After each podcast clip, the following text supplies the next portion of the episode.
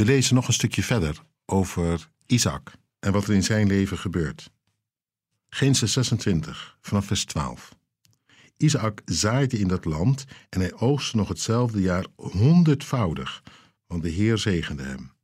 Hij werd rijker en rijker, schatrijk werd hij. Hij bezat grote kudde, schapen, geiten en runderen en een groot aantal slaven en slavinnen. De Filistijnen werden jaloers op hem. En even verderop. De waterputten die in de tijd van zijn vader Abraham waren gegraven en die de Filistijnen na Abrahams dood hadden dichtgegooid, groef Isaac weer open en hij gaf ze dezelfde namen als zijn vader ze had gegeven. Ook Isaacs knechten gingen in het dal aan het graven en ze troffen er een bron met helder water aan. Maar de herders uit Gerar maakten ruzie met Isaac-herders. Dat water is van ons, zeiden ze. Omdat hij daarover oneenigheid met hen had gekregen, noemde hij die bron Esek. Toen groeven ze een andere put en ook daarover kregen ze ruzie. Hij noemde hem daarom Sitna. Daarna trok hij verder en weer groef hij een put.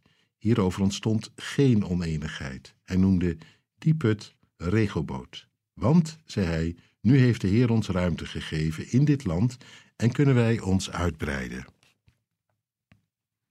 Het gaat ontzettend goed met Isaac.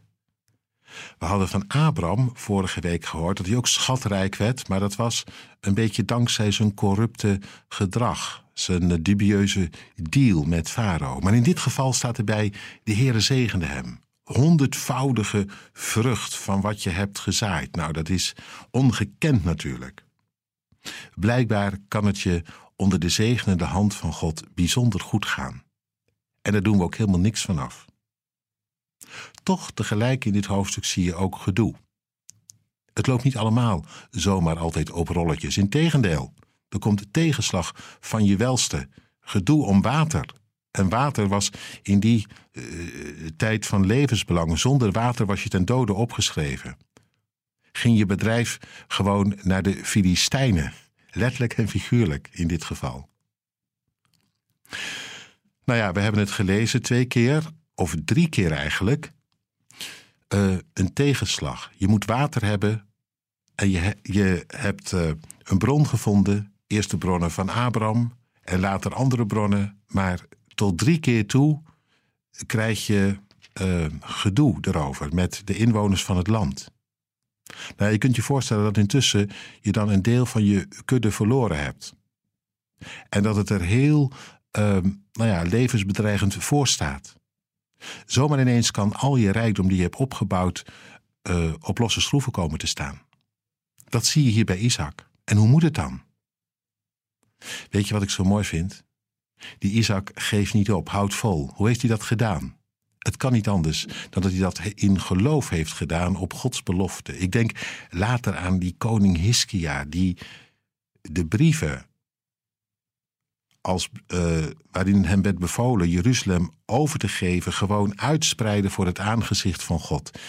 Ik kan me zomaar voorstellen dat die Isaac op een dag heeft gezegd: Heere God, hier hebt u het hele verhaal. Die waterputten, ik weet niet hoe ik aan water moet komen. En als u nu niet iets doet, is het hier verloren. Voor mij, maar ook voor u. En dan ineens dan blijkt er uh, een put gegraven te worden waar geen oneenigheid over komt. De Heer heeft ons ruimte gemaakt. Hij is trouw aan zijn belofte, ook soms door allerlei tegenslag en teleurstelling heen. Het loopt niet alles altijd op rolletjes, nee. Maar God is wel trouw aan zijn eigen woord. Tot in de dood toe, zou ik willen zeggen.